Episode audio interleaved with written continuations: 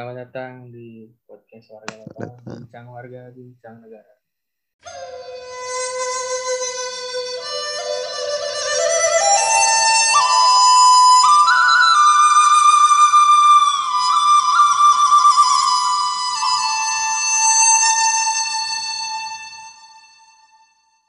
sama buat apa namanya? Gue pernah buat buklet. Buklet tentang? Tentang pelecehan seksual di Indonesia Oke. kayak statistik lebih ke Jadi statistik buat buat para pendengar-pendengar yang budiman, kalau pengen Kemudian, melihat mengenai apa eh, masalah pelecehan seksual di dunia pekerjaan ya, iya ya dan sebagainya bisa ke Instagram Never Oke Project. Oke, Yoi. eh, kalau rapat tuh bahasnya tentang apa di Never Oke Project? Ini rapat ya eh gue bentar deh gue tuh kayaknya nggak nggak nggak emang setidaknya gue ya gue kayaknya sih nggak pernah ikut rapat rutin maksudnya kayak emang emang entah nggak ada atau rapat rutinnya tuh emang cuman yang inti-inti aja cuman kalau rapat rutin sih nggak ada paling ada rapat tuh per project sih jadi ya kalau ada proyek ya rapatin gitu teknis Oke, ke teknis ambil salah satu project lu. Eh, misalnya apaan? Terus rapatnya itu gimana? Tentang apa? Salah satunya sih tentang jadi si Never Okay Project tuh dia masuk ke aliansi gue lupa aliansi apa tapi itu ya kayak kayak emang ada aliansi itu isinya sembilan organisasi yang melawan pelecehan seksual gitu karena kan eh, konteksnya banyak kayak, kayak ada yang dunia kerja ada yang di jalanan ada yang mana. Itu terus kita tuh bikin kayak mau bikin eh, webinar gitu tapi webinarnya benar-benar kayak serius dan akad- lebih ke akademis sih lebih ke akademis arah webinarnya Akan itu mengundang ahli-ahli ya? Kilo 190. Kenapa? Akan mengundang ahli-ahli, ahli-ahli. Halo? Halo, halo. Uh, uh, iya, iya. Uh, gua gua nggak, uh, gua lupa sih siapa yang diundang. Tapi ya intinya, intinya itu em, membahas tentang eh Kilo 190 aturan dari aturan mengenai pelecehan seksual di dunia kerja dari ILO. Eh, tapi di Indonesia tuh Indonesia tuh belum ratifikasi. Terus gua tuh buat ininya, buat videonya gitu, kayak buat introduction di webinarnya. Jadi ya udah lebih ngomonginnya sih ke isi videonya gitu sih, Oke. gitu. Kita sekarang Timothy ada yang mau ditanyain nggak, Tim? Sejauh ini nggak ada sih. Oke. Berasa Baca, webinar gue. Kita ya inilah keunikan dari kami ya. Warga lokal podcast. Warga lokal luar biasa. Lanjut ke Timothy. Eh Oke. organisasi per- pertama apa yang pernah lu Organisasi pertama apa? Eh, pertama ya, kalau yang di SMA tuh kayak ekskul ekskul gitu tuh Bisa, bisa. Mungkin ada perkumpulan agama Kristen. organisasi Misalnya sih? gitu, organisasi misalnya gitu perkumpulan agama Kristen gitu misalnya. misalnya kan, siapa tahu. Enggak enggak. Kalau yang pertama kali ya, pertama kali gue cerita aja dari awal ya.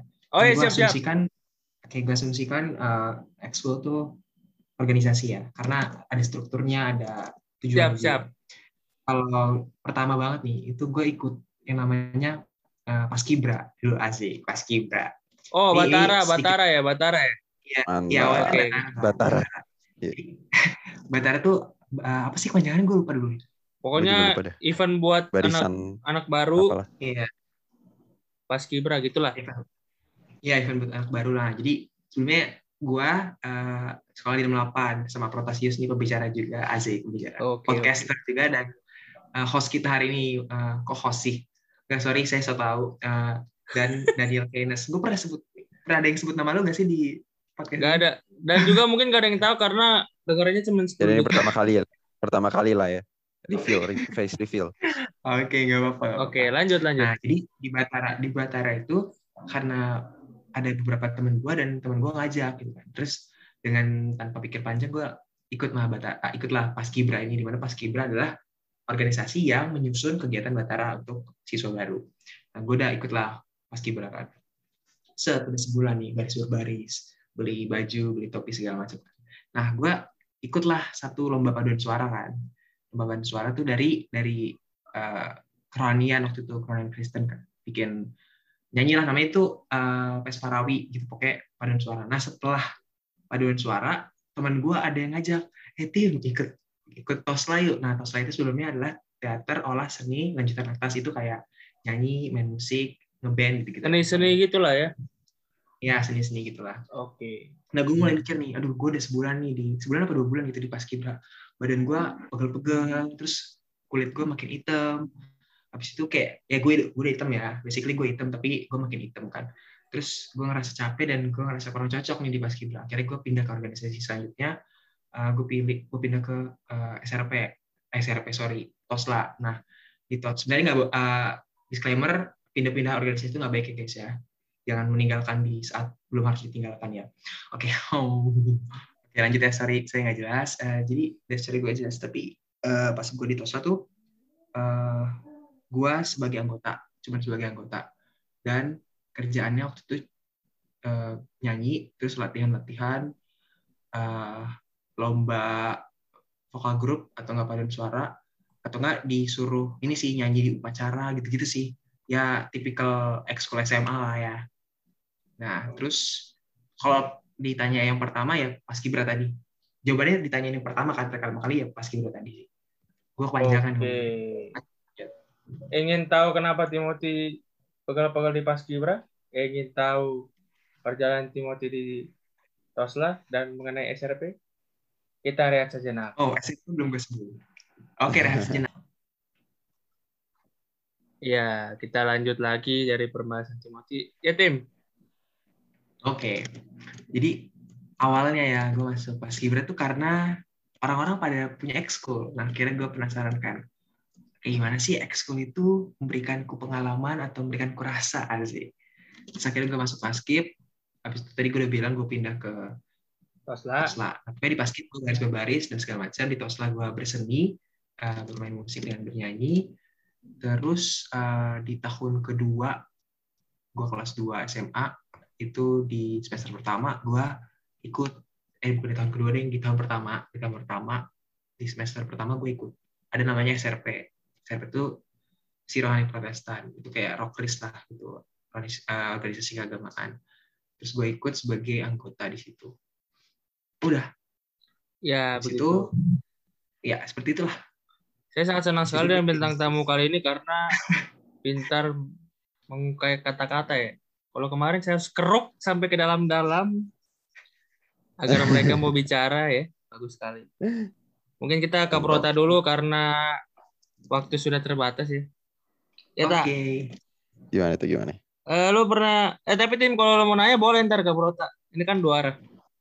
oke siap Oke. Tak lu pernah dapat perilaku senioritas gak dari senior lu?